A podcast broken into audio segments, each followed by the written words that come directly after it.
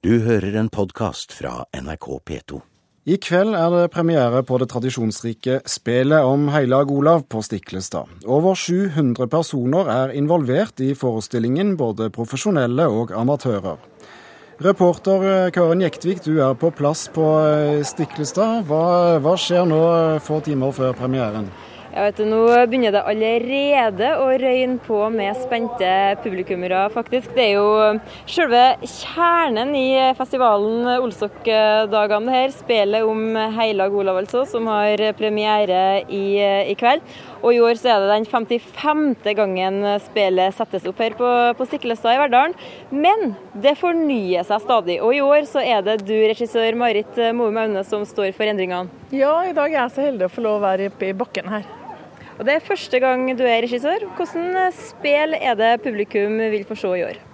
I år vil de få se et spel om en familie. Et familiedrama eh, om en familie som får krigen rett inn på tunet. De får se et spel om en familie som splittes, ganske dramatisk. Og man får se krigen sine virkninger på vanlige mennesker. Bare at de her menneskene de lever i 1030 og de har kanskje litt andre klær enn oss. Men ellers er, det mistenk er de mistenkelig lik oss.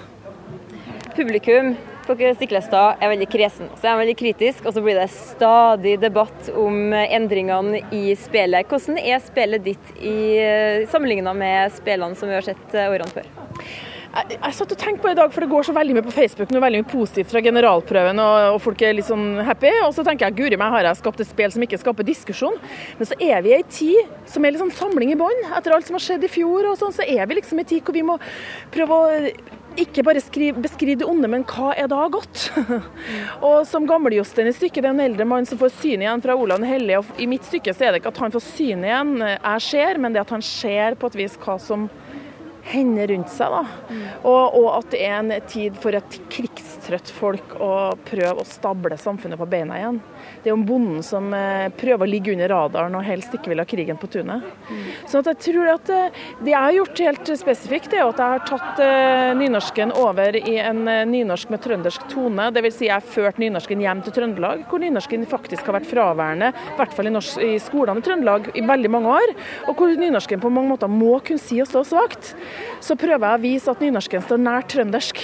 Så, så det, er en, det, er en, måte å fornye og kanskje skape en nynorsk-trøndersk også. For Du har fokusert veldig mye på det her med dialekter, og Henrik Mestad som, som, spiller kongen, han var nødt til å lære seg telemarking.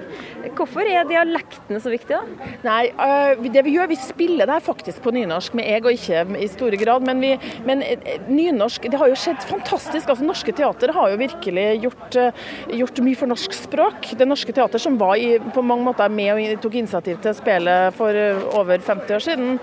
og Der har det også skjedd en fornying.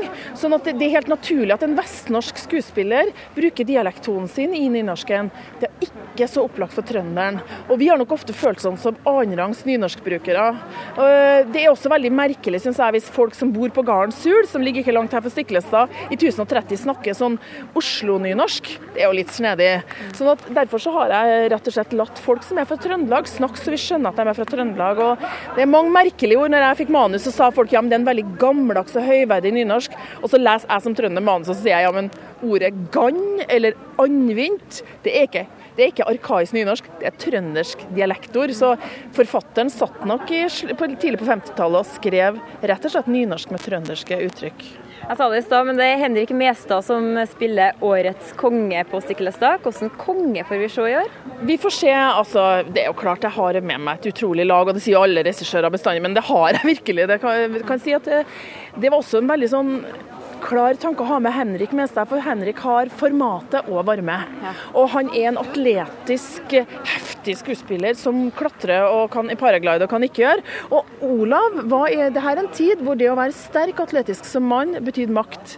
Og det er klart at eh, her får Henrik bruk for både varmen, eh, men ikke minst temperament og fysikk en, en, en, konge som møter seg sjøl litt i døra, vil jeg si. Og det spørs om det er ikke sikkert det bare Gudrun som møter han og blir frelst, men det kan også være at Gudrun frelser kongen. Hmm, spennende. En rå og varm konge i eh, årets spill, altså. Spilt av Henrik Mestad. Takk skal du ha, regissør Marit eh, Moum Aune. Og så braker det løs, da. Klokka sju er det premiere på spillet om heilag Olav på Stiklestad i Verdal. Og det er Anniken Huitfeldt som åpner årets spill. Vi får si tvi-tvi, og takk skal du også ha, Karin Jektvik, reporter på Stiklestad.